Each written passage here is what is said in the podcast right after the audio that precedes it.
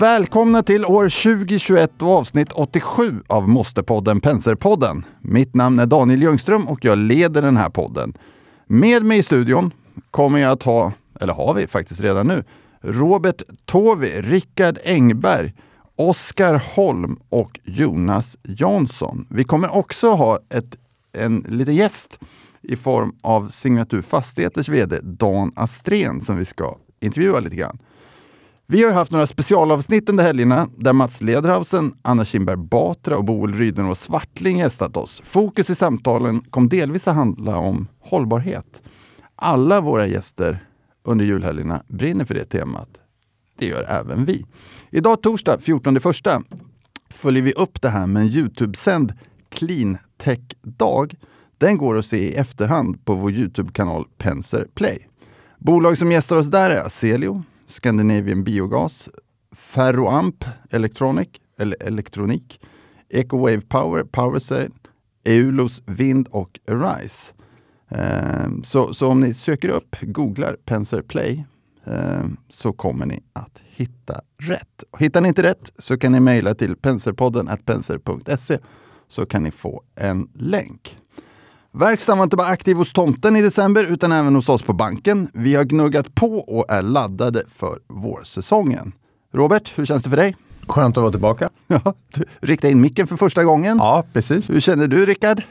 Jo då, det rullar på. Vi ska ju prata idag om eh, Skistar, Evolution Gaming, Kindred, Sustainable Science, SmartEye och även lite om performance och värderingar. Du har ett stort block Rickard. Hur har din helg varit? Den har varit bra. Jag tror mer surgical science, Surgical science. inte sustainable science. Jag har faktiskt skrivit Sustainable Science här. Nu, nu, vet vi att eh, folk, nu vet vi att folk lyssnar på det här. Jag är så inne på hållbarhet så att den här rättstavningen eh, riktar allt åt hållbarhetstemat för tillfället. Eh, Men innan vi kommer in på de här bolagen så ska vi ju växla några ord med Dan Astrén. Välkommen till Penserpodden Dan. Tack så mycket. Hej. Hej! Brukar du lyssna på podden? Eh, det har hänt, men jag är kanske inte så flitig lyssnare som jag, som jag borde vara kanske. Så eh, inte så mycket än. Har du varit med i någon podd tidigare? Eh, nej, inte i detta formatet kan jag inte säga. Vad härligt. Det är kul att, att din premiär blir hos oss. Ja, men eller hur? Det blir bra. Ja, du är ju VD för Signatur Fastigheter. Om, om vi börjar lite med dig, vem är du? Ja, eh, jag är eh, trebarnsfar och eh, 47 år eh, gammal och eh, har jobbat med fastigheter i princip hela livet. Eh, utbildade mig som eh, inom musiken till att börja med, så jag är lite musikaliskt begåvad säger vissa. Och, eh, och eh, jobbade med lite annat och började egentligen med fastigheter på, på min fritid. Jag jobbade på Kjell Company och eh, köpte fastigheter. Började köpa fastigheter på min fritid egentligen. Men sen har jag kört på från det och jobbat nu i 19 år är det väl med fastigheter. Så det har blivit många år till slut. du. Jag fastnar lite vid det här med musiken. Vad utbildar du dig inom musik? Nej, men jag, jag läste musikgymnasium och eh, spelade rätt mycket då. Så piano var mitt huvudinstrument men spelade även lite andra instrument, trummor, saxofon och sådär. Du då, Signatur är ett bolag som, som eh, är förhållandevis litet än så länge. För de som inte känner till Signatur, hur skulle du vilja beskriva bolaget? Lite historik och, och, och vad ska man säga, nuläge? Ja, när vi startade bolaget, jag och eh, min partner Thomas Magnusson, vi hade gjort lite affärer tillsammans då. Jag har drivit fastighetsbolag själv tidigare och det hade Thomas också gjort. Och så gjorde vi en del gemensamma affärer och sa att eh, ja, vi gillade, gillade varandra och det funkade bra med partnerskapet. Så då 2014 så startades Signatur Fastigheter. Eh, då hette vi Sig Invest eh, och ja, började ta in lite kapital och köpte för 250 miljoner första året och köper fastigheter med Eh, kassaflöden och som sen har utvecklingspotential inom bostadssegmentet. Så att det har vi gjort. Eh, började ju egentligen från noll. Vi hade väl en liten fastighet eh, då 2014 och har strax ja, runt en miljard idag. Då. Om, om, om man skulle tänka på er utifrån något annat bolag, vem skulle du se som er, er större och kanske mer kända, närmast liknande fastighetsbolag?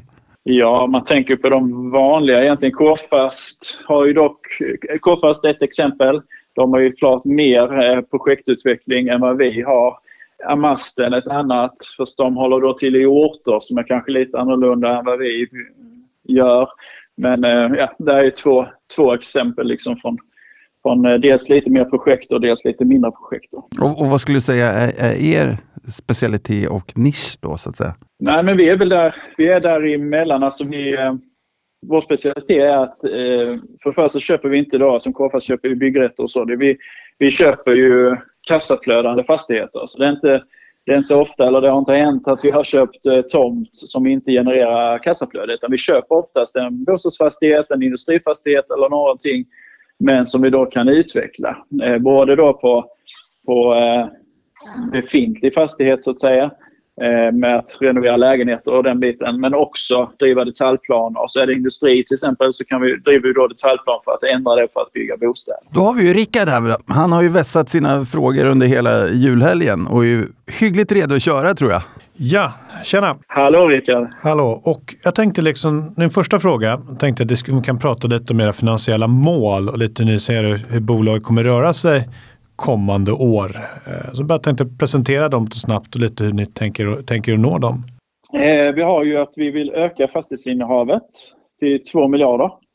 Det är väl kanske huvudmålet då för oss eh, för detta året. Jag kan ta, ta målen först snabbt då, så kan vi gå in på dem. Men eh, 2 miljarder ökar fastighetsbeståndet. Belåningsgrad som inte ska överstiga 65 procent. En substansvärdeökning på 15 procent och en eh, en eh, soliditet som inte ska gå under 30 Så där har vi ju där har vi de huvud, huvudmålen då. Och eh, tittar man då på dem så är det ju den här tillväxtresan som vi ska göra som är, eh, är i fullt fokus för oss just nu. Eh, så att vi har en miljard idag och vi ska öka innehavet då med i princip en miljard då detta året. Och om man tittar då, om man tittar på de målen, för de är dels kopplade på eh, den finansiella, finansiella sidan, kopplat till belåningen och sen är det kopplat till hur navet ska utvecklas. Om man då tittar, om man då tittar, tittar och räknar, kan ni kortsiktigt tänka er kanske att ligga lite över belåningsgraden för att kunna då bygga navet snabbare? Eller hur resonerar ni där? Ja, men det kan vi. Vi har sagt att belåningsgraden ska långsiktigt gå över 65, men vi har också eh, sagt att vi kan under kortare perioder eh, komma över de 65 procenten. Så att, eh, det, det, kan vi, det kan vi tänka oss. Och eh, vi ser nog framför oss att vi kommer göra det. Men det beror på lite hur snabbt också vi kan öka värdet i befintligt bestånd. För, för att det är någonting vi gör hela tiden. Att vi renoverar och utvecklar, förbättrar för hyresgäster, förbättrar boendet som genererar då ökade intäkter och där kommer en värdeökning. Så det, tillsammans göras eh, liksom som en motpol mot att vi eh, springer iväg för mycket då i belåningsgraden.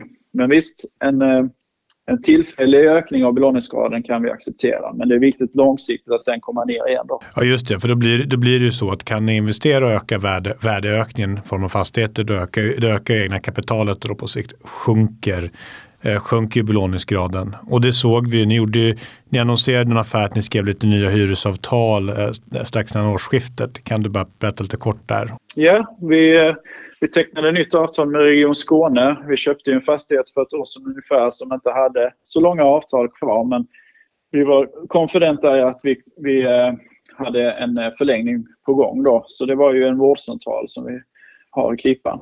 Så där skrev vi om eh, och fick ett tioårigt avtal och eh, lite högre hyror också. Då. Skulle du kunna berätta lite grann om, om vad, förutom att fastigheterna ska vara kassaflödesgenererande, som, som styr era investeringar? Kanske regionmässigt eller typ av fastighet?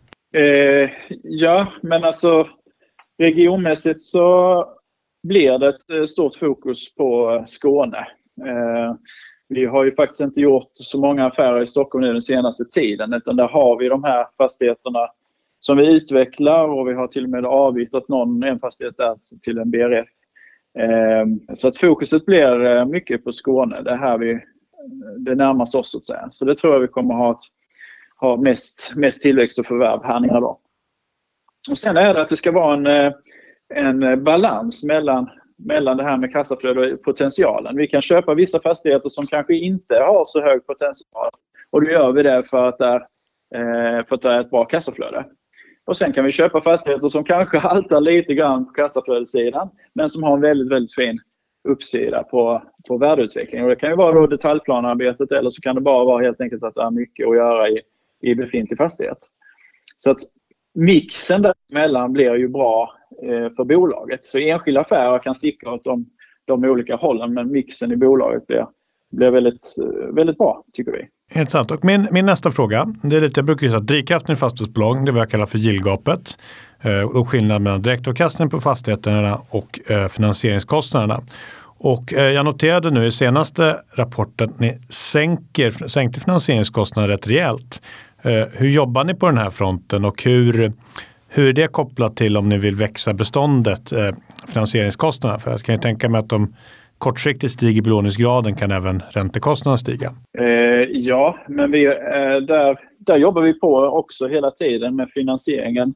Vid Q2 amorterade vi 23,6-24 miljoner nästan då på, på lån med högre ränta och minskade därmed snittränta från 2,8 till 2,4 Eh, vid periodens utgång. Och fram till idag, alltså från Q3 fram till idag så har vi refinansat nästan 100 miljoner vilket då är eh, cirka 20% av lånestocken eh, med lägre ränta som följd. Så att, vi, vi jobbar hela tiden med, med att förbättra våra villkor hos bankerna och vi tror också det att när vi växer så visst finns det då kanske toppar där vi blir, blir, eh, blir pressade liksom på, på, på eh, finansieringskostnader men det ger oss också samtidigt möjligheten att att få in fler banker, att få eh, konkurrensutsätta bankerna på ett bättre sätt. Och även sen framåt mot kapitalmarknaden. Att ju större man blir eller ju mer känd man blir där så, så kan ju också kostnaden för finansieringen minska. Så att man får, man får eh, ge och betala lite inledningsvis men sen kan man jobba ner eh, finansieringskostnaden eh, över tid. Då. Men vi gör det ju redan nu med den befintliga lånestockarna vad jag har idag. Okej, okay, och ett, ett, ett annat som kopplat till, eh, kopplat till finansieringen är att jag har tittat lite på er um, projektplan och detalj, detaljplansarbete ni, ni, ni bedriver. Och jag kan bara prata lite där, ungefär vad, vad det bokförda värdet är och hur ni ser finansiering för att kunna, tidshorisont för att kunna utveckla den här portföljen? Uh, bokfört värde är ju runt 65 miljoner uh, om jag inte missminner mig då. Och eh, potentialen där har vi ju bedömt. Det är ju alltid frågan om bedömningar i detta då. Men eh, det ligger ju på runt 550 miljoner i färdigutvecklade eh, fastigheter. Eh, och mm, vad ska jag säga, marginalerna där ehm, eh, ligger på, alltså vi har en vinstpotential på nästan 200 miljoner, lite över 200 miljoner. Och tar du väck då vad vi är bokförda på så har du kvar en uppsida på, på cirka 150 miljoner ja, eh, uppsidan och marginalerna framåt där är ju väldigt fina. Och lite ungefär vad är tidshorisont? Jag vet att det är svårt att bedöma i sådana här frågor. Ja, men det är det och eh, kanske något litet kan ske under detta året, men det är inte, inte, inte, det, inte så mycket byggrätter kommer att levereras liksom under 2021. Men eh, ett, och ett, halvt, ett, ett och ett halvt år framåt så kommer vi kunna börja se eh, frukten av detta.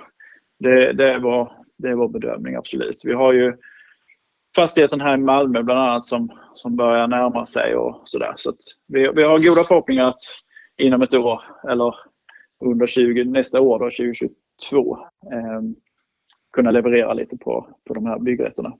Vi har också ambitionen att, att öka den här eh, projektpipen. Och, och, och min, min avslutande fråga är just projektutveckling, för jag tycker det är en väldigt, väldigt intressant drivkraft i bolaget. Eh, det är det att man räknar på vad som man bedömer behöva investera. Eh, ser, ser ni så att ni har eventuellt kan ta in partners eller eh, behöva ta in någon form av externt eller hybridkapital för, för att möta de här investeringarna? Alltså, jag vill, inte, jag vill inte stänga några dörrar och säga att vi absolut inte behöver det. Utan eh, men, men lite grund, grundläggande är ju ändå så eftersom vi har Ta, ta, ta Alven i, i Malmö, en fastighet där vi har eh, bostäder idag och så har, driver vi detaljplan på en parkering nu. Då. Och där är ändå vår bedömning, även om man ska vara försiktig, så, så är vår bedömning att vi, vi liksom får byggkreditiv på den här eh, utvecklingsfasen. Så att då har vi byggkreditiv på i princip hela eftersom vi redan idag äger marken så är det liksom vår, vår insats där.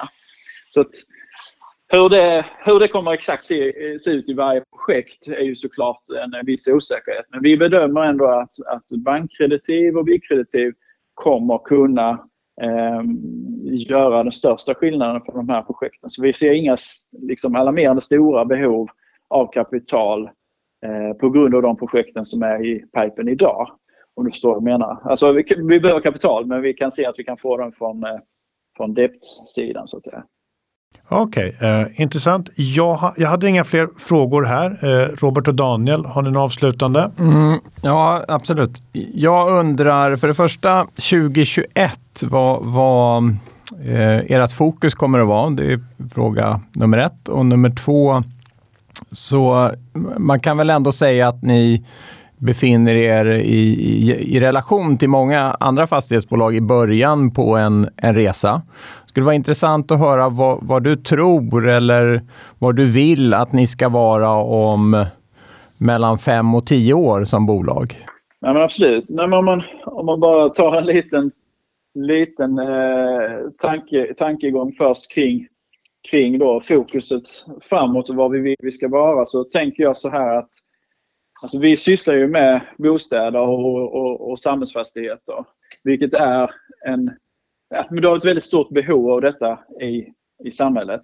Eh, när vi investerar i våra fastigheter så höjer vi värdena. Alltså vi höjer hyrorna och vi får en bra avkastning på investeringen. Våra investeringar ger ungefär 6,5% i kassaflödet och mellan 60 och uppåt i ren eh, ROI liksom på investeringen värdeökningsmässigt. Medan om du då, de tuffa branscherna idag, kontor och handel, så har du en helt, helt annat case där du liksom nästan får sänka hyrorna och du måste ändå investera i fastigheterna och kan inte på samma sätt öka värdena. Så med det, den bakgrunden att vi är i detta segmentet så är, är det tillväxt som gäller framöver. Alltså både de här renoveringarna och utvecklingen av befintliga fastigheter där vi har väldigt stora möjligheter. Och sen då öka takten på transaktioner såklart. Det måste vi göra. Så vi ska ju förvärva för en miljard och ha en, ha en bra pipe eh, där vi har kommit långt eh, redan eh, med många affärer. Och tittar vi, tittar vi läng längre fram så, så behöver vi inte bli, vi kommer inte vara det största bolaget utan vi ser vårt bolag som, vi behöver komma upp i betydlig size, alltså 10-15 miljarder alltså, och, och uppåt. Någonstans där tror jag att vi måste måste komma. Så vi ska växa vidare även, även framåt. Men sen tror jag vår styrka ligger i utvecklingsarbetet. Alltså både projektutvecklingen men också eh, utveckling av fastigheterna och öka dess värde. Och det tror jag vi kan göra under många år framåt med tanke på den låga räntan. Visst finns det inflationshot och sådär och eh, man får vara för följsam i, i, de, i de, eh, hur vindarna blåser. Men vi ser ändå framför oss en, en lågräntemiljö lång tid framöver och där vi fort, kan fortsätta att, att uh, utveckla fastigheter och utveckla värden i, de här, i det här segmentet. Då. Hur bedömer du eh, konkurrensen för samhällsfastighetsprojekt? Eh, jo, men det är klart det är en stor konkurrens, men det är också ett väldigt stort behov. Eh, och det gäller bostäder också. Det är alltid en, en, eh, en utmaning och därför är projektsidan också intressant eh, för, för att vi kan skapa våra egna bostäder till, ett, till en annan avkastning än vad man måste köpa dem på marknaden. Så, att, eh, så att det är hård konkurrens är det men vi finner vi har inga problem med att hitta affärer, det måste jag säga. Så att vi har en väldigt intressant affärsperiod affärsberg fram, framför oss. Får, får, jag, får, jag, ställa en fråga här? Eh, Daniel här då. Eh, ni tog in kapital i, i november eh, som jag såg det. Skulle du vilja kommentera vad ni använder de pengarna till och samtidigt kanske också säga något om, om ägarlistan, hur den ser ut för de som inte känner till den? Ja, eh, det var ju Östersjöstiftelsen som eh, gick in och även eh, Gryningskusten då som eh, Johan Torell. Han hade ett ägande innan och, och ökade här med då sitt ägande och fick lite större ägande. Så att ägarlistan är ju är ju jag som största ägare då på runt 25 procent. Och sen Thomas som är min kollega. Och sen har vi liksom ett gäng, ett gäng från Stockholm som vi hade joint venture med. Eh, och sen så, då så apporterade vi in fastigheterna i Stockholm och så blev de en större ägare i, i bolaget. Och sen har vi då Östersjöstiftelsen och några, några till som har gått in och investerat, några i tidigt skede och några nu. Så att, eh, det är en liten blandning. Vi är väldigt glada för att få in Östersjöstiftelsen. Det är en, eh, eftersom vi har mindre ägare tidigare så är det, är det bra med en lite större institutionell ägare också. Vi, vi, vi tror oss förstå att, att eh, många större investerare som, som finns investerade i bolaget idag har en position, inte bara för att ni är verksamma inom just samhällsfastigheter, utan eh, man har köpt in lite grann på ledningen. Eh, eh, det vill säga ett, ett högt förtroende för, för ledningen. Och, och, det är ju självklart, det måste ju vara eh, kul och, och viktigt för ett mindre bolag. Jag undrar, är det, är det här någonting som även märks när ni eh, förvärvar eh, fastigheter eh, inom, inom utvecklingsbolag till exempel eller förvärvande bolag så, så, så hör vi ju ofta att eh, eh mindre bolag väljer lite grann vem som får köpa bolaget kopplat till vilka som finns i ledningen och, och vilka ägarna är i det förvärvande bolaget. Är det något ni ser på inom fastighetsmarknaden också? Ja, men alltså, absolut att ledning och, eh, och, och eh, har en stor betydelse eh, för de som investerar. Det tror jag helst i ett sånt här litet bolag. Alltså, vi, vi är entreprenörer från början, har startat bolaget, drivit, drivit bolaget och, och, och, kan, kan hantverket så att säga. Det är väl det, det, är väl det de ser eh, när man investerar i oss. Eh, och även, även då när vi träffar andra så idag så försöker vi förvärva fastigheter då med hjälp också av, eh, av våra aktier. Så att, eh, och då har det en väldig betydelse såklart att de också tror på bolaget och tror på oss. Så att i det, i det hänseendet eh, så har det ju en, en betydelse absolut att det finns ett förtroende för oss. Bra Dan! Finns det någon fråga du, du kanske hade hoppats lite på att få eh, som vi bör ställa här innan vi börjar avrunda? Eh, nej, jag tycker att ni har har eh, ställt goda frågor, så ni har gjort ett gott jobb. Stort tack! Då tackar, då tackar vi dig för din medverkan. Tack själva! Tack för att jag fick vara med. Ja, sköt om dig! Detsamma! Tack, tack då! Hej. Hej då! Hej!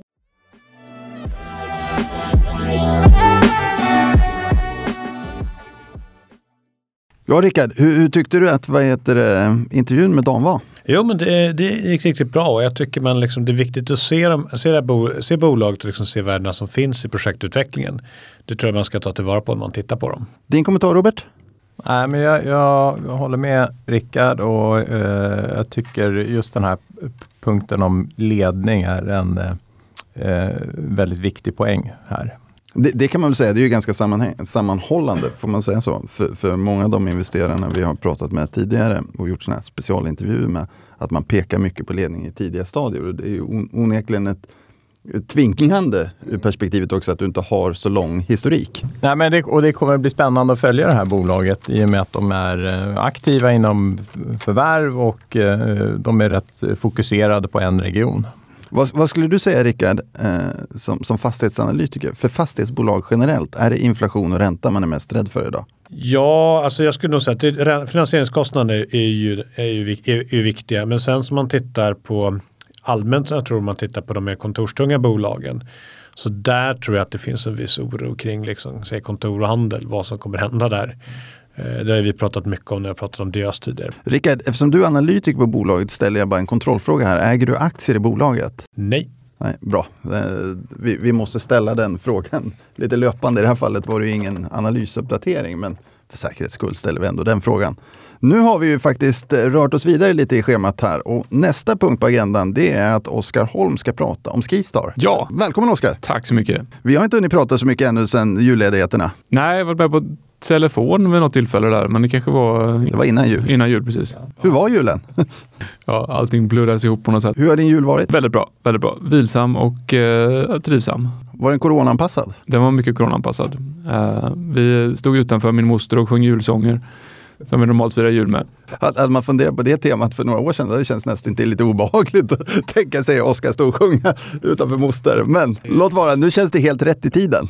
Precis. Om vi ska gå vidare då, Skistar. Ja, eh, vi lanserar idag ett case i Skistar, eh, köp, eh, som vi tycker att det här är ett eh, spännande bolag för den långsiktiga kursen står nu 112 kronor ungefär. Eh, jag äger inte aktier, ska vi lägga tillägga. Vi ser ett motiverat värde på 141 kronor. Eh, och Skistar är ett bolag som många känner till, som inte kräver närmare introduktion, men ändå också är det ju Nordens ledande bolag inom drift och utveckling av skidanläggningar. Eh, man äger ju bland annat Sälen, Åre, Trysil, Hemsedal. Eh, och vi ser att det finns ett flertal anledningar till att äga den här aktien. Det är ett väldigt stabilt bolag med dominerande marknadsposition eh, och välskötta verksamheter med höga marginaler och starka kassaflöden. Man har blivit negativt påverkad av coronapandemin eh, på grund av eh, ja, nedstängningar och eh, allmänna eh, restriktioner. Men det finns väldigt starka underliggande trender med ökat intresse för idrott och hälsa samt att semestra mer i det egna landet som gör att vi tror på att man kommer att återhämta sig till tillväxt relativt fort. Eh, sen så har man även väldigt lönsam fastighetsutveckling utöver då driften av skidorterna. Eh, och man äger väldigt mycket mark som är förvärvad lång tid tillbaka med stora övervärden i. Eh, som man successivt realiserar. Och jämfört med liknande bolag internationellt så har man väldigt...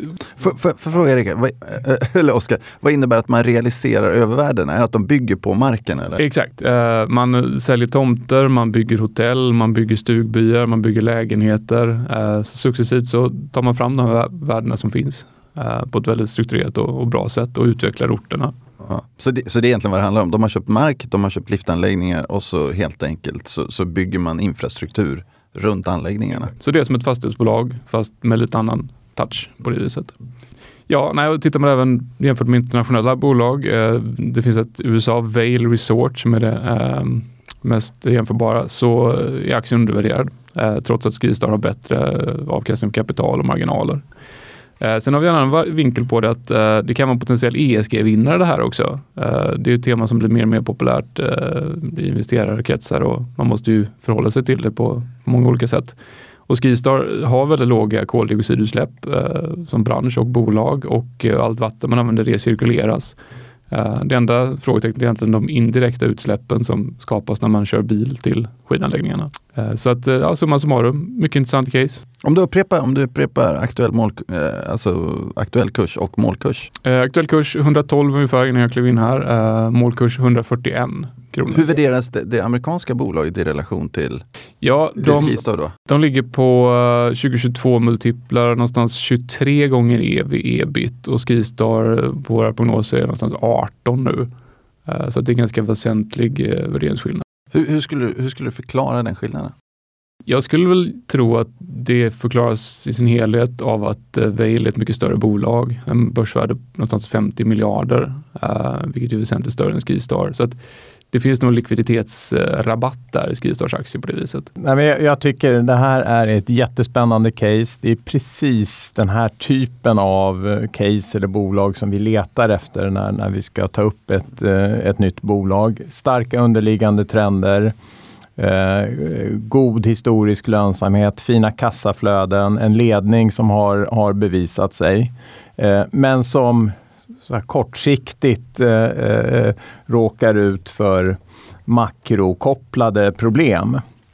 Och, och, här gör ju vi bedömningen att det är just vad det är. Det är kortsiktiga problem som är, är övergående. Och kan man då se det långsiktiga värdet i bolaget så, så, så är det någonting som passar våran profil väldigt bra.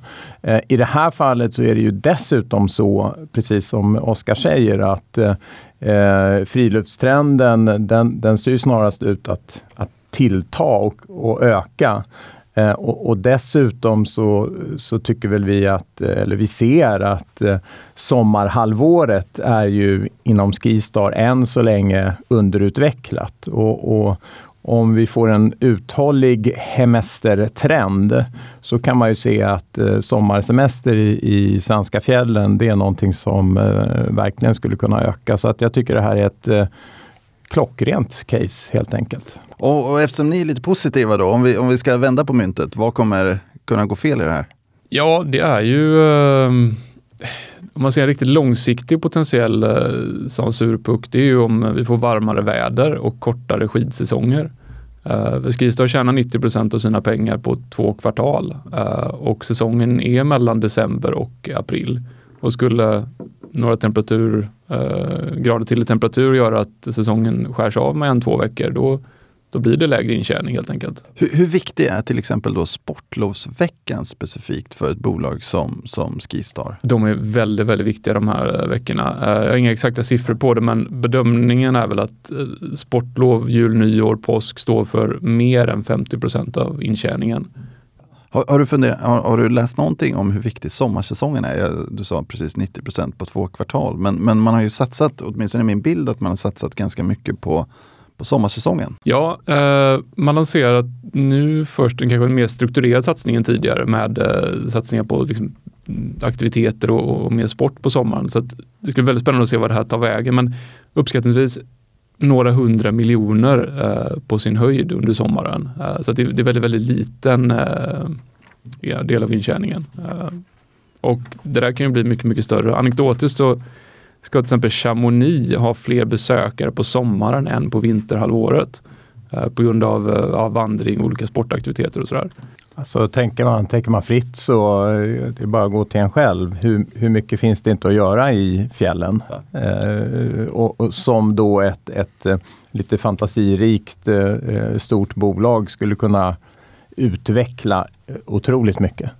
Kortsiktigt eh, så, så, kan man väl säga att en risk det är ju valutan. Just det, det också. Ur perspektivet turism då eller? Ja, Skistar har ju en stor del av sina turister ifrån eh, Danmark och eh, en svag krona betyder ju att eh, det är intressant för dem att ta bilen upp till eh, Sälen och även Norge för den delen, om den norska kronan är svag.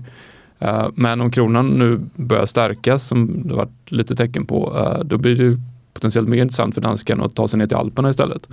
Eh, och alternativt lika så är ju en stark svensk krona också att svenskarna ja, på marginalen hellre åker till Alperna kanske. Och, och, och även eh, alltså brittiska eh, turister. Sist det begav sig och kronan var riktigt eh, stark. Eh, nere på 7 kronor mot dollarn eller någonting sånt där så då, då droppade ju eh, alla brittiska turister av från att året innan bara ha, ha varit en, en, stor del av turismen i, i eh, både Vemdalen och Åre. Så riskerna blir lite grann då valutakopplade på grund av alternativa, alternativa alternativ helt enkelt till semestrar. Precis. Och, och lite sjukdoms, eh, alltså coronarelaterat då, att man får lite dålig säsong och en vädereffekt. Ja. Stort tack! Tack för att jag fick komma. Ska du, ska du prata om något mer Oskar? Nej, jag är klar så här. Det räcker med ett case om dagen. då jag, må, jag, måste ändå berätta det. Jag är ju jag är faktiskt ganska glad i, i att tälta. Och eh, jag har länge läst, jag har varit lite mer intresserad av sommaren i, i Åre än vintern i Åre. För jag är dessutom ganska höjdrädd så att, så att jag vill röra mig till fots upp för backarna. Och när vi kommer till, till Åre för att slå upp vårt tält så kommer vi ganska sent. Jag ser att alla är inne, så tänker jag så här, det är ju lite udda, så här, varför är alla inne? Tills jag kliver ut och börjar slå upp mitt tält och inser att det är hyggligt mycket knott. Eh, så jag slår, slår, upp tältet i, i en knottfight utan dess like. Hela familjen hoppar in, sitter i bilen och väntar mer eller mindre, hoppar in i tältet. Då ska vi laga middag. Då går jag ut och börjar laga middag på stormköket. Det, det var också lite av en fight. Men så fort solen kom upp på morgonen så var det ju i princip knottfritt. Och, och jag hade också sett fram emot att cykla. Det visar sig att jag är lite rädd för branta utförslöpor också. Däremot så tyckte övriga familjen att det var väldigt roligt. Medan jag promenerade med hunden. Så att eh, det finns ju jättemycket att göra. Det man, för alla. Ja, man, man, ja, men man kan slå ett slag för att faktiskt eh, testa den typen av semestrar. Ja, och är du höjdrädd kan jag tipsa om Hammarbybacken som Skistar också eh, driver. Den är ju lite mindre fallhöjd. Ska jag vara helt ärlig Oskar så tycker jag till och med att Hammarbybacken är lite, lite hög när jag står på toppen. Men det är inte så farligt när man väl får upp farten. Men, men faktum är att jag brukar faktiskt röra mig lite upp och ner för den med, med, med hunden. Det, det, är faktiskt supertrevligt. Mm. Eh, man, kan, man kan också åka dit och fika lite i backen om man inte har annat för sig. De riktigt ambitiösa motionärerna rör sig i liftgången upp och ner. För den är hyggligt brant faktiskt. Så att, eh, det är lite utomhusträning som vi kan slå slag för. Pratar du om Hammarby nu? Nu pratar jag om Hammarbybacken. Du tänkte Störtloppsbacken i Åre? Ja. den rör man sig inte upp och ner för utan det är bara en riktning en gång. Bra, ska vi gå vidare? Evolution Gaming, Rickard? Yes, Evolution Gaming. Det är ju ett av våra casebolag. Vi skrev om dem i måndags senast och jag har en del aktier där. Bolaget handlar, när jag gick från desken, på lite drygt 818 kronor. Och vi höjde vårt motiverade värde till 1150 från 815 kronor. Eh, och då tänkte jag kan sammanfatta lite kort vad Evolution Gaming gör. Jag tror det är ett av de mer omnämnda bolagen i den här podden. Eh, det är ju en, en supplier på, för, på iGaming-marknaden. Man utvecklar live-casino live och man i och med förvärvet av NetEnt som skedde i somras kommer även utveckla slots. Utöver kasinospel som har rört sig mot att utveckla så kallade game shows på det här, um, i det här segmentet. Och för, uh, och vad, vad är en game show? Ja, jag vet inte om ni kommer ihåg det här gamla tv-programmet Deal or No Deal. Uh, det har de gjort en version du kan spela. Uh, sen så har de mycket bingoliknande spel där du helt enkelt snurrar på sådana lyckohjul. Är, är det sociala spel så att man är fler som är med? Eller? Ja, ja men du, har, du, sitter liksom, du, sitter och tittar, du sitter och tittar och du sitter och chattar med världen och så kan det bli bonusspel. Eh, för den som är intresserad kan man kan man, kan man googla Evolution Gaming Monopoly, deras eh, satsning som kom förra året. Eller det som har varit det jag tror en av de dyraste satsningarna på spelutveckling inom live-casino. Eh, Crazy Time som kom i år. Eh, det, det, är något av en upplevelse att titta på. Jag tänkte fortsätta lite varför vi gillar Evolution Gaming. Det är ju för att det är en väldigt hög strukturell tillväxt. Eh, den här strukturella tillväxten har accelererat eh, i och med covid-19 då fysiska kasinon har varit nedstängda. Eh, man är, Sverige är ju det landet i världen där man säger att man spelar förhållandevis mest online kontra offline. Och i Sverige räknar man med att kanske 60 procent av allt spel sker online. Eh, tittar man på andra marknader bara i Europa så ligger den här summan under 20 procent. Eh, jag såg någon bedömning att i Italien så sker endast 10 procent av allt spel online. Eh, och då är ju live casino den snabbast växande, växande formen när man går eh, från offline till online. Så det är första anledningen att jag gillar det kraftigt. Jag gillar det mycket. Eh, det andra är ju att man har en, extrem, en väldigt stark marknadsställning. Eh, man är precis som Skistar kan man nämna i sammanhanget här, att man har ett, man har ett naturligt monopol. Eh, tittar man på den amerikanska marknaden så är man överlägset störst. De benämningar vi gör på den europeiska marknaden så är det väldigt långt ner till närmsta konkurrent. Och det beror helt enkelt på att det är ett ganska svårt koncept att kopiera. Eh, det är en tämligen stor investering att bygga en sån studie som finns i till exempel eh, Riga eller på, eller på Malta. Sen så har vi också det här med att USA, eh, den amerikanska marknaden öppnar upp mer och mer för kasino. Dock ska man ha i åtanke att i USA är det främst sport som öppnar upp. Kasino kommer, några, kommer komma lite senare. Om man, om, man, om man tittar på, du, du har en del eh, starka positiva grejer nu, men, men om vi tar det då precis på samma sätt som vi diskuterade Skistar tidigare. Då, vad är riskerna i, i ett sånt här bolag? Alltså risker, jag skulle dela in riskerna i två bitar. Eh, den första är om man säger rent kursmässigt. Jag tror vi har nämnt hållbarhet och ESG en himla massa hundra gånger de senaste avsnitten. Eh, där kan man ju åtanke att eh, på vissa parametrar så kommer spelsektorn ganska långt ner i en sån här bedömning. På andra kommer den högre upp. Så det är ju en sak att du får, och det såg man ju, vi såg väldigt mycket svenska fonder lämna spelsektorn under förra året var det var Robert? Ja, förra och eh, året innan. Året innan. Och det skapar, det skapar ett, en artificiellt säljtryck på aktien och på kursen såklart. Så det är ena. Och sen så den andra risken är att eh, man växer mycket, man växer mycket i Europa, man växer mycket i USA och man växer mycket i Asien och på övriga marknader. Och vi har ju sett att på lång sikt eh, och på medellång sikt så är det bra att spelmarknaden regleras. Det leder liksom till att du får färre aktörer och du får en du får högre inträdesbarriärer för de aktörer som finns på marknaden. På kort sikt kan ju då dock innebära en risk för tillväxten. Eller om det skulle vara någon nyckelmarknad där du helt enkelt förbjuder eh, live-casino. Kan det komma sådana förbud? Finns det liksom sådana såna regulatoriska hot? Så man kan säga att man kan dela upp i att det finns regulatoriska medvindar och motvindar. I USA så väljer man ju att öppna upp marknaden eh, med motivationen att vi, det är bra reglerade, det är till ökade skatteintäkter och det är någonting som behövs för att vi har dåliga budgetar. Eh, I Europa och Sverige så ser man ju mer att där vill man ju inte se att du får en skatteintäkt på spelande utan du vill se det som ett problem och någonting som man vill minska.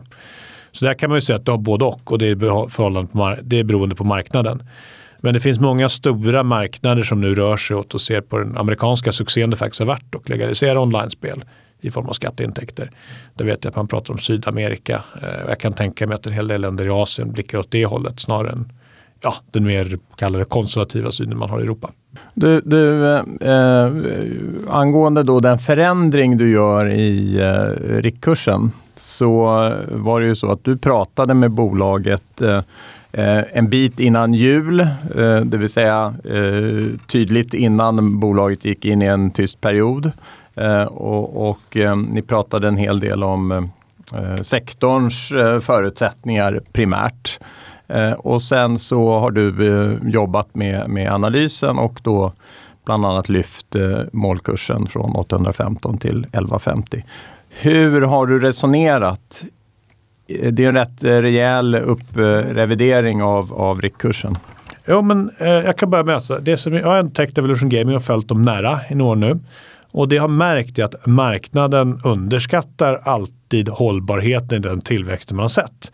Man har, man, så det jag gjorde helt enkelt var att nej, men jag, jag vill eh, göra min prognosperiod längre. Eh, och så jag gjorde helt enkelt att jag tittade på bolaget. Jag såg hur det sett ut de, eh, de år som har varit. Eh, jag tittar på den marknadsdata jag ändå har på hur onlinekasinon väntas växa, hur de olika delarna av online väntas växa. Och jag tänkte att okej, okay, ja, jag kan nog dra ut tillväxten kanske inte bara till 2022 sen går ut utan ha en förhållandevis hög tillväxt fram till 2025. Eh, och då tittar jag då på 2025 och då tittar jag liksom jämförde, okej, okay, Eh, med nuvarande marknadssituation de har så, så är liksom den här försäljningen på mina tillväxt, den, den eh, ligger i linje med marknaden. Den är inte orimlig. Eh, det skulle då ge en för, försäljning 2025 som är närmare 2 miljarder euro mot att man ligger väl för, för, strax över 500 idag. Eh, och då tänkte jag så här, okej, okay, då har vi en långsiktig liksom försäljning och en långsiktig tillväxt. Sen tittar jag på då, då kanske det är bättre att försöka värdera bolaget i det här lite mer långsiktiga skedet än vad det är just nu. Eh, och då tittade jag på att jag gjorde lite antaganden kring normalisering av tillväxten. Jag tittade på svenska storbolag, som hur, svenska storbolag, hur med liknande strukturell tillväxt de värderas. Eh, då satte jag en multipel. Eh, jag kom fram till att ev ebit 30 var, var, var, rimligt för den här typen av bolag. På 2025? Ja. Va, vad betyder det? ev ebit 30 på 2025? Eh, det är ju att, att, att e, Enterprise value är, är ju bolagsvärde. Mm. Eh, bolagsvärde, är bolagsvärde och e, eh, ebit är rörelseresultat. Så bolagsvärdet är 30 gånger ebit. Så, eller Enterprise value, man ska tillägga att det är bolagsvärde oberoende av kapitalstruktur. Börsvärde är ju då hur mycket marknadsvärdet på aktien är. Så man skiljer dem åt. Det finns mycket att lära sig. Och, och det jag sen gjorde var helt enkelt, då har jag ett värde vad jag tror att aktien kan vara värd år 2025. Ja, men då får jag diskontera tillbaka det. Jag får använda ett avkastningskrav och komma fram till en kurs. När tog du upp eh, Evolution som case? Eh, jag tog upp Evolution Gaming 2018 i juni om jag inte är helt ute och cyklar. Och då eh, stod kursen i? Min första målkurs i Evolution Gaming var 666 kronor eftersom kort och tärning är djävulens gärning som min mormor säger. Eh, och det var innan man genomförde en 5 genom 1 split. Så det blir då eh, på nuvarande kurs 600, ja, det blir på ungefär 100 kronor var min första motiverade värde. Bra call Rickard. Jag, jag, skulle faktiskt vilja slå ett slag för 2020 var ju ett ganska volatilt börsår på, på alla sätt och vis. Och eh, börsen föll ganska dramatiskt under första halvåret kan vi väl sammanfatta det som. Och sen steg den ganska dramatiskt andra halvåret och det, det, det var ju väldigt stora slag. Och i den typen av miljö kan man ju faktiskt bli lite stressad och, och, man kan känna att eh, nu måste jag sälja när börsen har fallit och sen när börsen har stigit lite sent så kommer man på att nu måste jag köpa. Jag skulle vilja, jag skulle vilja då i sammanhanget slå ett slag för att när ni handlar aktier eller värdepapper totalt sett, se till så ni har en portfölj, alltså det vill säga den sammansatta portföljen med alla era värdepapper som har en risk som ni är bekväma med. Om ni är lite osäkra på om ni har en sån portfölj eller inte, så kan ni antingen ringa till oss på banken på 08 463 80 00 och be att få prata med en rådgivare. Så kan de efter genomförd behovsanalys och annat faktiskt eh, komma med, med, ett råd om hur ni ska sätta samman er portfölj. Om ni gör det här på egen hand så skulle jag vilja säga att prata gärna med någon annan i er närhet som är kunnig så att ni, så att ni hamnar rätt. För, för många, många gånger när man handlar aktier så, så kan ju tiden man behöver äga aktien vad man säger, vara relativt lång för att få den utveckling man kanske förväntar sig. Och vi har haft en massa experter i podden från tid till annan som nästan alla, med ett tydligt undantag, faktiskt då är väldigt långsiktiga i sitt ägande. Och det var lite det Rickard är inne på här också då att många gånger är den faktiska placeringshorisonten kanske 10-15 år innan man har fått all utveckling. Och vi pratade med signatur tidigare också, där vi pratade en del om att eh, när, man, när, man, när man tittar på de här tidiga bolagen där det inte finns så lång historik, så tar man rygg på, på ägaren. Och sen lever man med bolaget 5-10 år framåt. Det är en viktig del, så att, så att man inte uppfattar det vi pratar om nu som som snabba tips för att tjäna pengar idag eller imorgon. Det är inte på det sättet. Jag vill, jag vill bara att man ska med sig det. Kan vi också bara lägga till att ännu viktigare, tycker jag i alla fall, än att eh, prata med någon annan, är att eh, själv vara så pass påläst så att man verkligen kan känna sig bekväm med den investering som man gör. Eh, göra hemarbetet, eh, eh lyssna, läsa igenom den eh, information som kommer ifrån bolaget, eh, läsa på om industrin och, och, utifrån det så småningom skaffa sig en uppfattning om, om de långsiktiga förutsättningarna. För det är det vi pratar om här, ja. precis som du säger Daniel, att, att eh, det är långsiktiga investeringar och det ligger långsiktig analys bakom det. Jag, jag, skulle också vilja slå ett slag för i sammanhanget, vi gjorde en, en podd om börspsykologi. Eh, vilket kanske snarare ska översättas till investerarpsykologi, alltså hur man, hur man påverkas i lite olika sammanhang som investerare. Dels att man kanske låter sig ryckas med väldigt mycket när börsen går upp eller att man så att säga, ja, kanske låter sig ryckas med, kanske ordets eh, rätta bemärkelse också, när börsen går ner.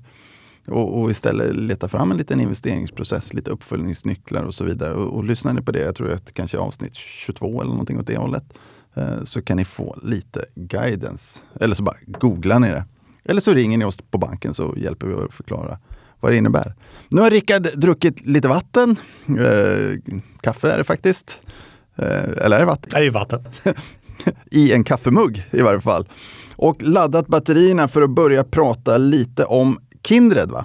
Ja, Kindred. Eh, det är ett annat av våra casebolag. Eh, aktien handlar strax över 100 kronor idag. Och vi ser ett motiverat värde på 120 kronor, höjt från tidigare 85 kronor. Och vi skrev senast om Kindred i samband med en omvänd vinstvarning de gjorde i tisdags.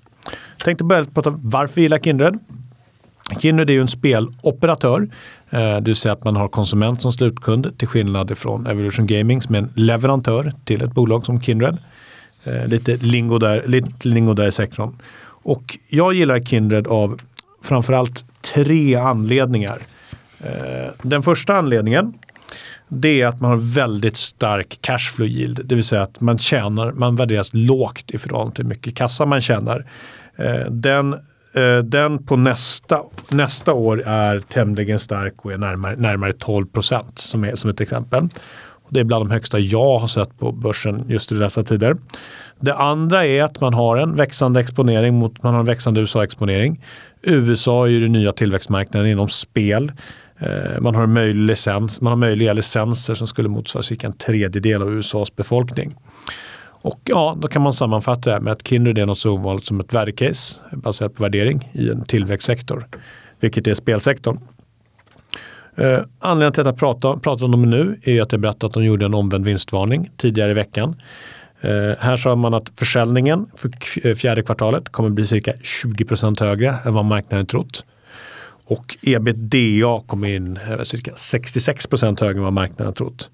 En bidragande orsak till det här, men inte den enda orsaken, är att den så kallade sportboksmarginalen är stark. Den var 10 kontra 8,5 procent. När, när du säger sportbok, vad betyder det? Eh, det betyder hur mycket, alltså tänk eh, man, husets marginal i kasinot. Hur mycket per, per spelad krona, hur mycket som Kindred får behålla. Eh, det, om man jämför till exempel, jag tror Blackjack ligger på 2,5 procent eller liknande. Eh, och Baccarat är där du som spelar högst marginal och huset har lägst marginal. Så det är alltså hur mycket som blir kvar. Och, eh, men det här var inte den enda orsaken. Och det som jag tyckte var kul och som vi har diskuterat mycket om, eh, även om jag har sagt det i podden, men i alla fall på firman, är att Eh, anledningen till att de var så lönsamma det var att man satt en väldigt bra avkastning på sina marknadsföringsinvesteringar och man visat en god kostnadskontroll.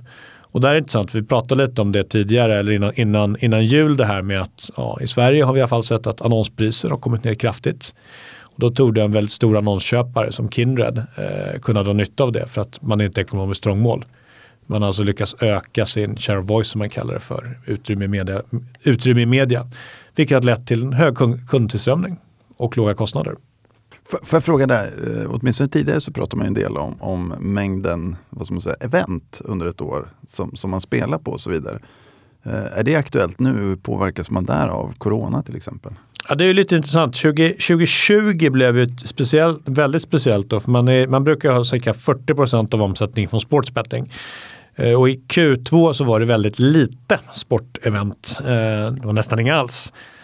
Och där jag tittat och tittat lite nu, då, då, såg man att i vanliga fall så brukar då pre-game betting brukar vara lite strax över 20, 20 mellan 20-25 procent av omsättningen. Eh, det var 17 procent i, Q, i Q2 då. Tittar man live betting, det vill säga uppbetta på pågående ment, vem som är nästa mål etc. Det brukar vara strax över 20 procent av omsättningen. Det var endast 12 procent. Så ja, det är en risk, men man klarar ändå att mitigera den tämligen väl.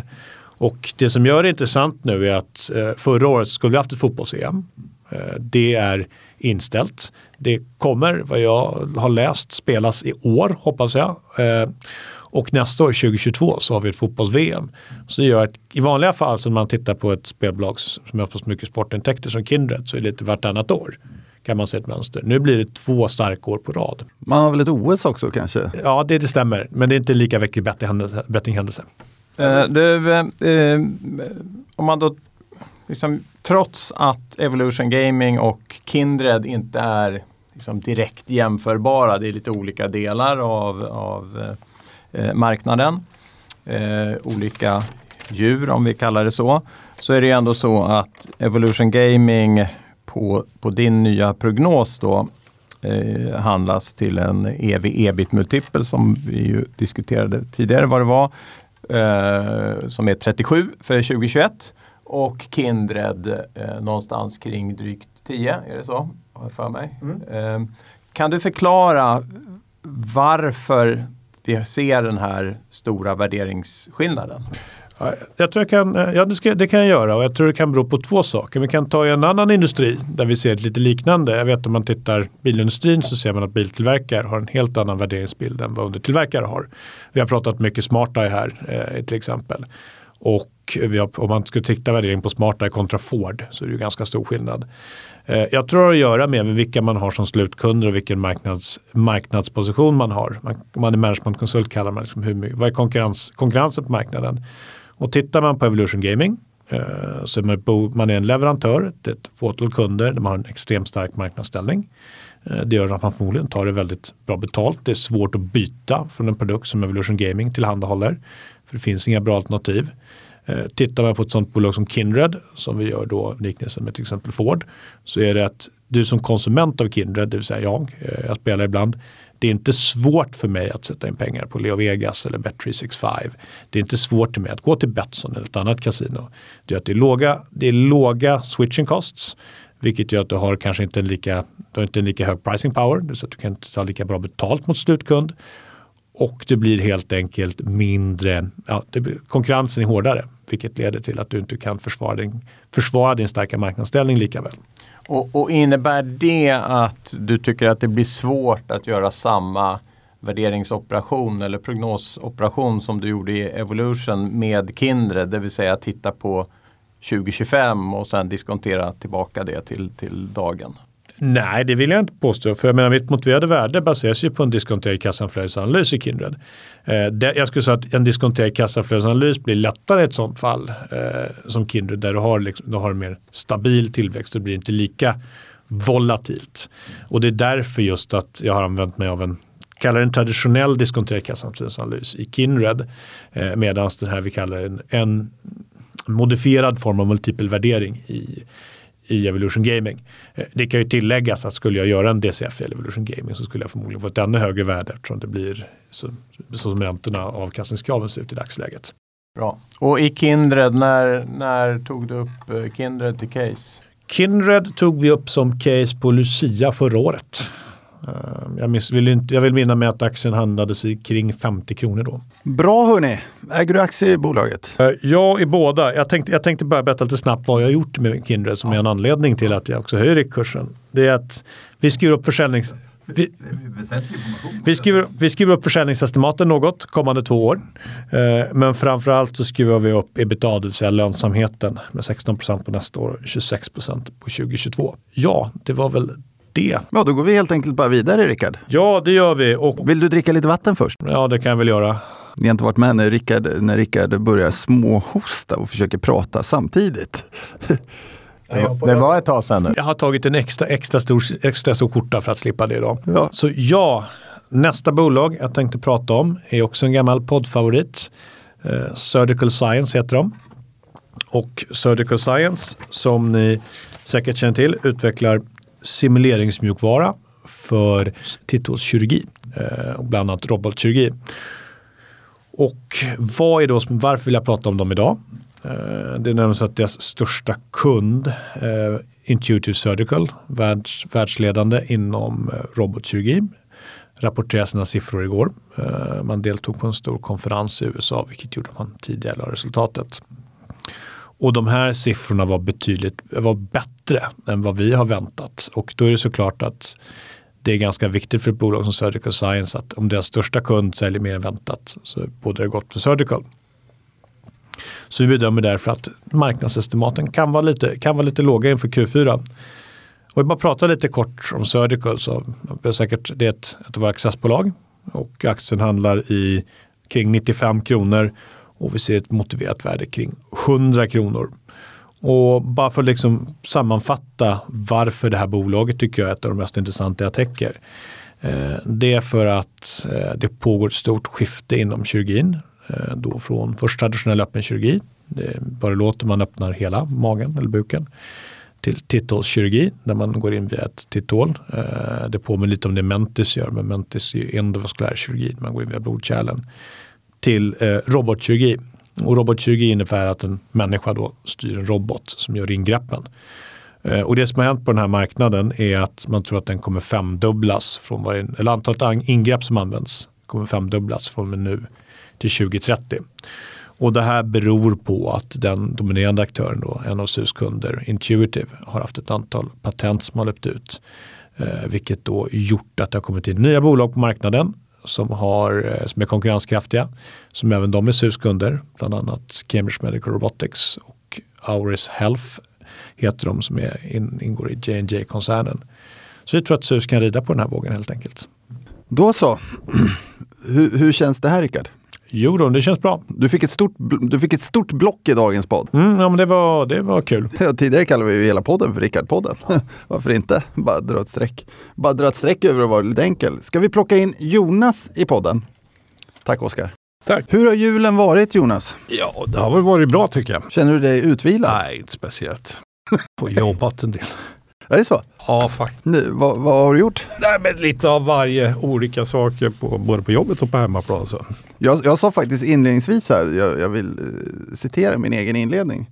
Verkstaden var dock inte bara aktiv hos tomten i december utan även hos oss på banken. Så det är kul att du faller in och, och faktiskt underbygger min, min enkla Du, argumentation. du sa ju att jag skulle säga det innan. Ja, precis. Nu tror folk att vi har ett manus. Det, det har vi inte. Du ska prata lite om små... Vi har faktiskt pratat eh, relativt regelbundet om att eh, Jonas måste passa på och hinna med att andas lite grann i, ibland för att eh, eh, kontra eh, arbetsbelastningen.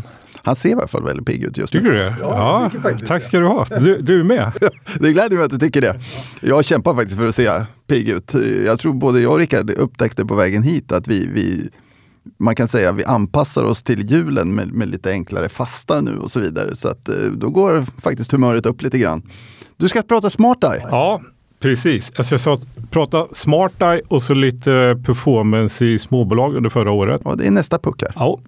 Eh, SmartEye, det är ett casebolag som vi har med målkurs 240. Eh, kursen står nästan där idag.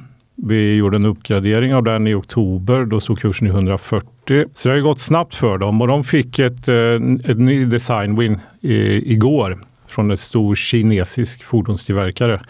Och de gör ju system för förarövervakning. Vi har pratat om det tidigare. Och vad innebär en design win? En design win innebär ju för deras del då att de får eh, för en bilmodell så får de ett kontrakt när bilen går i produktion så börjar de tjäna pengar på det och då vet de ganska exakt hur mycket pengar de kommer att få på den bilen och det här var Q Q1 20, alltså i 2022 redan går den här bilen i produktion. Då vet de att de får de här pengarna. Och det här är ju en skillnad mot andra teknikbolag som ofta kommunicerar en design win. Och det är att de har vunnit en, en eh, så att säga, deras produkt är bäst av olika eh, bolag som man jämför. Men det behöver inte nödvändigtvis innebära att man får en order på det eller hur stor den blir.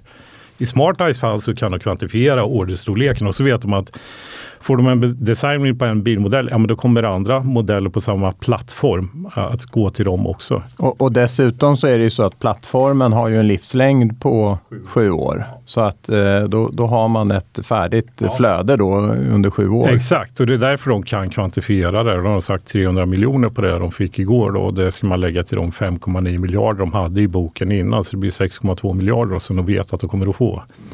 Och då tjänar inte Smarta några pengar än. De kommer inte tjäna pengar närmsta åren. Men man vet ju att 22, framförallt 23, när de börjar bulka upp eh, produktionen av bilarna, då kommer ju PNL och resultaträkningen se väldigt bra ut. Och det är därför man måste på den här typen av bolag så kan man inte titta på närmsta åren. Man måste ju titta på hur det ser ut eh, 25-26 någonting. Det är så som vi gör värderingen av de här också. Och då blir det i deras fall då, de har ju tagit nu 65 procent marknadsandel av alla sådana designers i världen hittills. Nu får de en till.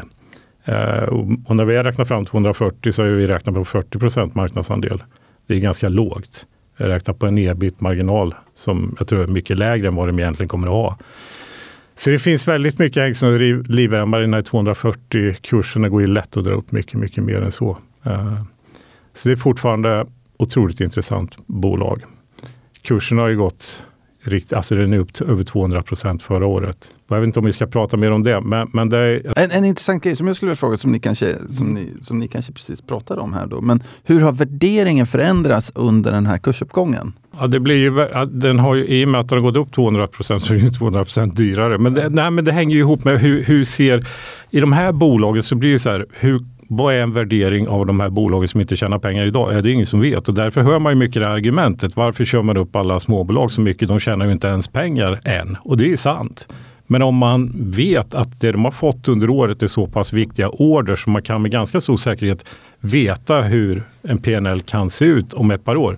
Då är det ju den man måste köra värderingen på. Så det här är ju det är en rörlig materia. I SmartEyes fall så är det ju så att det är ju liksom bekräftade design wins. Så i jämförelse med många andra bolag som inte tjänar några pengar eller inte har någon omsättning och, och har gått upp 200 så kan, så kan vi ändå peka på att ja, men här finns ett framtida Ja men så är det ju. Men, men, men, men, det blir ändå en viss osäkerhet i det så tillvida att man vet inte exakt hur det här kassaflödet ser ut. Är det så man ska förstå? Nej, inte när i tiden, men, men man vet ju när det kommer. Och ska det inte komma, ja men då måste de göra något katastrofalt fel i hur de gör produktionen, levererar de här systemen. Det känns ganska osannolikt eftersom de aldrig haft en glitch tidigare i hur de har agerat. Så det, det här, smarta är ju för sig en outlier kanske bland de här bolagen, för här är visibiliteten så hög. Ja, den blir enklare i och med att de ändå får Ja, det går, du har någonting tydligt att räkna på.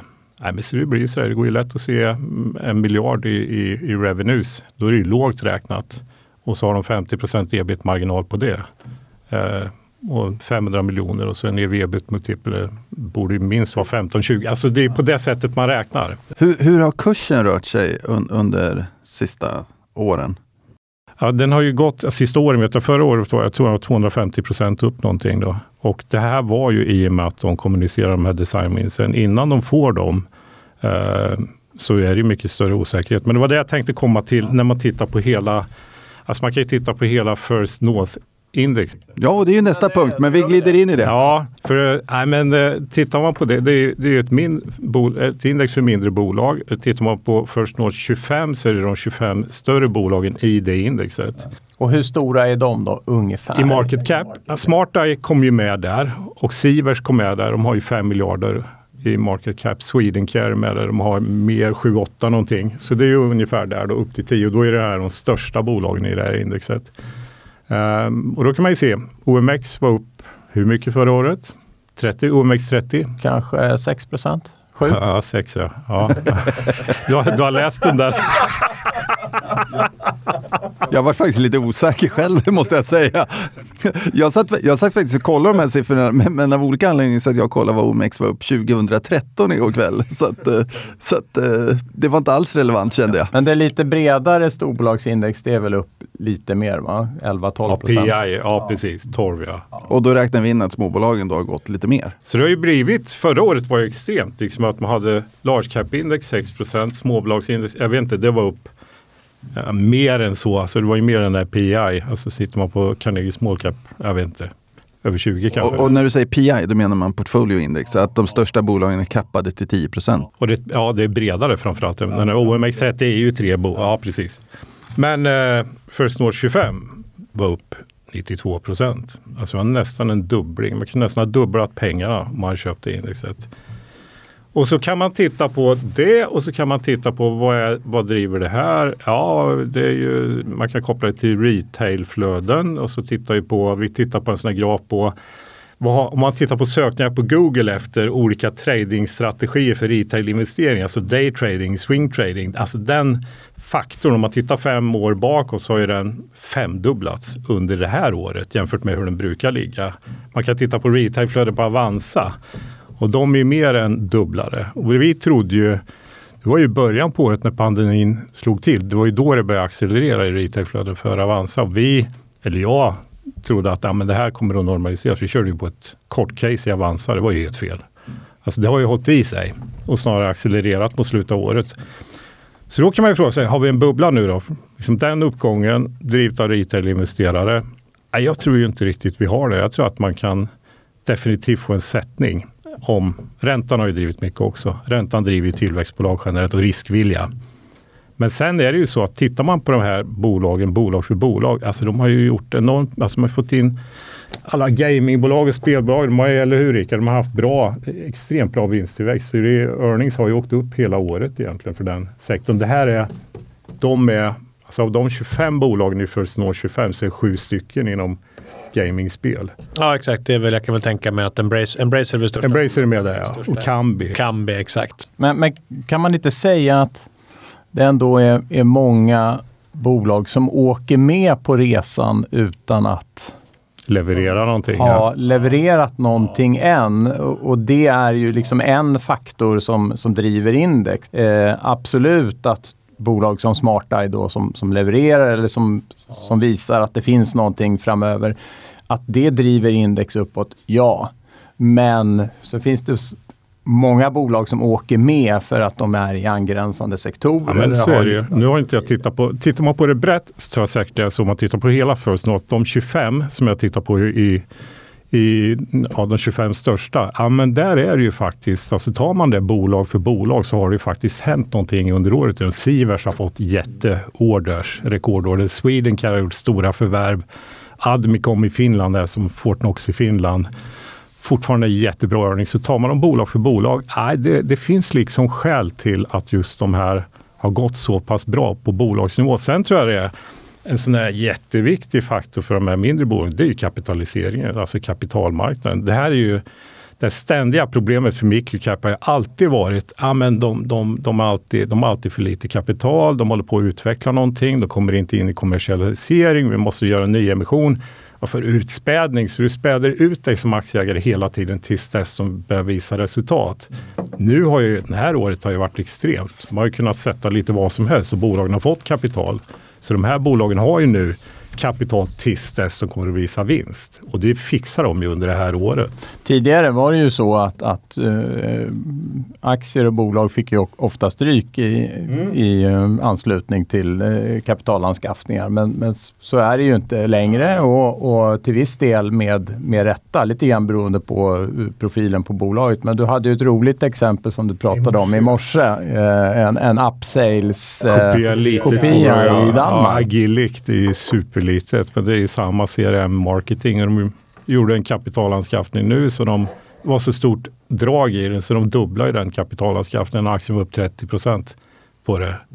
Så, men, men jag tror också att det, man har ju fått in en ny typ av investerare som inte fanns riktigt för. Ja, men Alltså Fonder är en ny aktör som är ganska stor som på något sätt sätter fokus på de här bolagen. Man har ju, fler, man har ju fått flera mikrokapfonder som har startat. Klient startar en också. Så man får ju på något sätt en ny köparkategori. Det är ju inte bara retail-investerare utan det är en ny köparkategori som kommer in i de här bolagen och det gör ju att de får ju marketing och de får synas och någon som pratar om dem hela tiden. Så de blir visibiliteten i den här sektorn blir ju större. Och, och nu utgår ju vi ifrån svenska retail-investerare, men man skulle ju kunna tänka sig också att Alltså Avanzas motsvarighet Nordnet som har, har en, en, en europeisk eh, marknad som, som man bearbetar. Man har ju både Norge, Danmark och Finland med retail-investerare som sannolikt, eller gissningsvis, vänder sig till den svenska, mycket större marknaden för att, att hitta investeringsobjekt. Så det är ytterligare en investeringskategori som, investerarkategori som kommer till. Får, får jag vara lite djävulens advokat då? Vad kan gå fel i det här? Nej, men går du, jag tror att det finns ju två stora risker. Det ena är att ja, retail-investerare av någon anledning, flödena, de här flödena försvinner. Alltså, stannar de kvar på nuvarande nivå så har man ju ingen derivata. Så, de kan ju fortfarande fortsätta vara bra. Men det kan ju också vara så att de går ner till normal nivå. Då har man plötsligt ett flöde som avstannar. Och sen är det ju så, får man av något skäl större sättning på hela marknaden eller räntor upp, någon, då, kommer, alltså då går ju de här bolagen med, med sitt beta, då går det ner och går ner mer än hela börsen som helhet. Men det, är ju, det har ju ingenting med bolagen att göra, det här är ju en ren allokeringseffekt. Nej, men, och, och, och, det pratade vi om lite tidigare. Den låga räntan är ju väldigt drivande. Men vi har ju också sett ett, ett eh, får vi se om det håller i sig, men vi har ju sett ett, ett, ett litet eh, skifte i eh, långräntorna i, i USA. Ja, I USA har det pågått länge, alltså ett halvår nästan så har ju räntan tickat upp hela tiden. Jag, jag tycker också det, det är alltid lite av ett varningstecken som, som du är inne på, att det blir så allmängiltigt att man, man handlar. Alla handlar, alla är där. Och, och allting som, när alla har gjort allt, sådana här derivaten som du var inne på, då är det många som sitter med vinster och så börjar man sälja och så blir man orolig och så Ja, jag tror vi, finns de här ja, rent psykologiska effekterna som bara kommer till. Jag tror vi är där nu. Alltså, det har vi sett redan. Alltså, nu är OMX, kolla på det idag, OMX30 är upp lika mycket som det var förra året, upp 5% nu. First North har inte rört sig. Nej. Och så kan det ju se ut nu. Och det är väl lite grann det vi såg ändå mot slutet av förra året och även i, i början på det här året att eh, det är en del sektorförändringar. Eh, man, man går mot eh, storbolag, gammelekonomi. Eh, vi, pratade, vi, vi eh, tog upp Elanders här för, för eh, några månader sedan. Ett bolag som har gjort förvisso en, en stor förändring men som ändå är, det är liksom logistik och, eh, och tryck. Ett jättefint bolag. Eh, den aktien har ju haft en jättefin utveckling eh, och, och även verkstadsbolagen här på slutet har ju rört på sig. Jag, jag, tycker som sagt alltid när det har varit sån här häftig uppgång som det, som det ändå varit på slutet och man känner att riskviljan kommer ner. Det är därför jag pratar om risker ja, hela tiden absolut. i dagens podd. Att det är många som tenderar att glömma bort riskerna och så blir man väldigt framåtblickande. Ja, och, men det, på något sätt kan man ju känna att ja, ska det inte vara så då? Jo, men så. Jag, jag säger inte att det är fel. Jag säger bara att man ska ja, visst, värdera men ibland risken kan man i det. tycka att man kan reagera på det. För mycket, alltså man ser på sparkapital i Sverige, vad ligger det i aktier? Ja, burken ligger i stora bolag. Är det vettigt ur risk-reward synpunkt egentligen? Ja. Alltså du köper ändå en aktie för att tro på en uppgång, annars så köper du inte en aktie. Men du är fortfarande aktierisken när du köper ett storbolag. Ja. Men, men reward på den är ju helt annorlunda. Samtidigt kan man ju alltid diskutera alternativen till aktier och, och det är ju räntebärande då många gånger. Jo, men det, det, finns ju en tendens till det här att eh, man går på pris snarare än värde. Eh, och, och, den tror jag är jättefarlig för att det kan ju också finnas eh, faktorer som vi inte vet någonting om idag som inträffar Absolut. och som ändrar risksentimentet eh, allmänt i, på kort eller på, på längre sikt. Och det kommer ju ha en, en dramatisk effekt på den här typen av bolag eh, på, ja. på priset. Absolut. På samma sätt som det har haft en inverkan på priset på vägen upp. Det, det, det såg vi ju inte minst för drygt ett år sedan. Ja, men då var, och då var det ju så. De, då, de här gick ju ner, de dagarna i mars, de här var ju ner 6-7 procent varenda dag i princip. Och det måste man vara medveten om. Men sen är ju frågan vad som är vad. I nuläget då, ja absolut. Liksom, är de avstängda och kan inte få finansiering och deras businessmodeller ifrågasätta, absolut nu är de i ett annat läge i alla fall. Det, det är därför jag tror just när, när vi är inne på det som, som, du pratade om sen tidigare då, att det är många som diskuterar, eller diskuterar, det vet jag inte om man gör, men man, man, man, man börjar handla lite mer frekvent. Mm. Uh, och man, man rycks med och i en positiv marknad så får man lätt känslan av att det här fixar jag.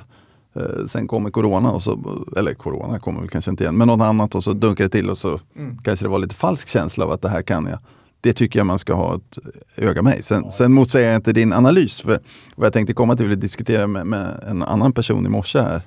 Vad, vad, olika typer av bolag kan finansiera sig till för kostnad. Och i princip är det ju ingen kostnad för att finansiera sig. Eh, så att, eh, det säger ju något om, om riskviljan att låna ut pengar också. Hur är det nu för, för danska uh, boköpare? jag tror man betalar noll i ränta. Ja. Eh, är det inte så på Nordea eller på någon alltså, av de andra storbankerna? Det var i något fall när de hade negativ jag vet inte hur det funkar i praktik, men de hade ju en negativ räntekomponent så du fick ju betalt för att låna. Sen tror jag man betalar via avgifter i alla fall. Då, men, men det säger någonting om vad Nej, det är. Ja, och det är ju en konstig situation med, med, så låga räntor. Det är klart, värderingsmässigt om man ska titta på, på, på gamla mer traditionella mm. värderingsmått. Exakt. Eh, så, så, så där du diskuterar, diskonterar in med någon form av ränta. Om den är, en, är noll eller negativ eh, så kan ju värderingen teoretiskt sett vara jätte, Ja, men då ska, skulle du göra så teoretiskt sett. Vad, vad är långsiktig riskpremie? 5 någonting? Över hela aktiemarknaden. Räntan noll, mm. beta, ja säg 1. Ska du ha 5 i avkastningskrav generellt. Mm. Ja men då ska ju allting upp väldigt mycket mer. Men det har man ju inte tagit. Nej, jag, jag vet. Jag, jag vet. Det, det, det, det var därför jag tangerade ja, ja. värderingen lite tidigare. Ja. Så att det, och, och, och, faktum är att det är ju lite svårbedömt. Så någonting som tjänar pengar och ger en avkastning ska ju, ska ju värderas väldigt högt i den miljön. Mm. Så att eh, det kan man ha med sig. Vad bra hörni då har jag varnat. Jag satt faktiskt och, tittade lite grann eh, medan vi poddade här på vår cleantech-dag som ni hittar på Youtube-kanalen Penser Play. Och jag tänkte bara upprepa igen om någon nu har, har hängt med till slutet att om ni går in ikväll och kikar lite grann efter ni har lyssnat på vår podd så kommer ni hitta presentationer av Aselio, Scandinavian Biogas, Ferramp, Electronic, Ecowave Power, Powercell, Eulus Vind och Arise. Och när ni tittar på det så är vi strax tillbaka nästa vecka på torsdag vid 16-rycket. Tack ska ni ha allihopa. Tack. Tack.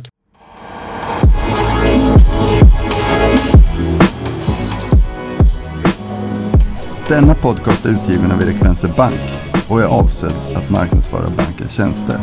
Vissa bolag som nämns kan därmed ha något samarbete med banken i form av fondförvaltning, analystjänster, certified advisor-uppdrag med mera. För mer information om dessa tjänster fondförvaltning och även bankens hantering av eventuella intressekonflikter vänligen se bankens hemsida www.penser.se. Vänligen notera att investeringar i finansiella instrument inklusive fonder är förknippade med risk. Historisk avkastning är en garanti för framtida avkastning. De pengar som placeras i finansiella instrument kan både öka och minska i värde och det är inte säkert att du får tillbaka hela det insatta beloppet. Ingen del av Penserpodden ska uppfattas som investeringsrekommendation. Informationen är heller inte att betrakta som investeringsrådgivning då den inte tar hänsyn till mottagarens specifika investeringsmål, ekonomisk situation eller kunskap. De uppfattningar som redogjorts för i podcasten återspeglar de medverkandes uppfattning för tillfället och kan därmed ändras.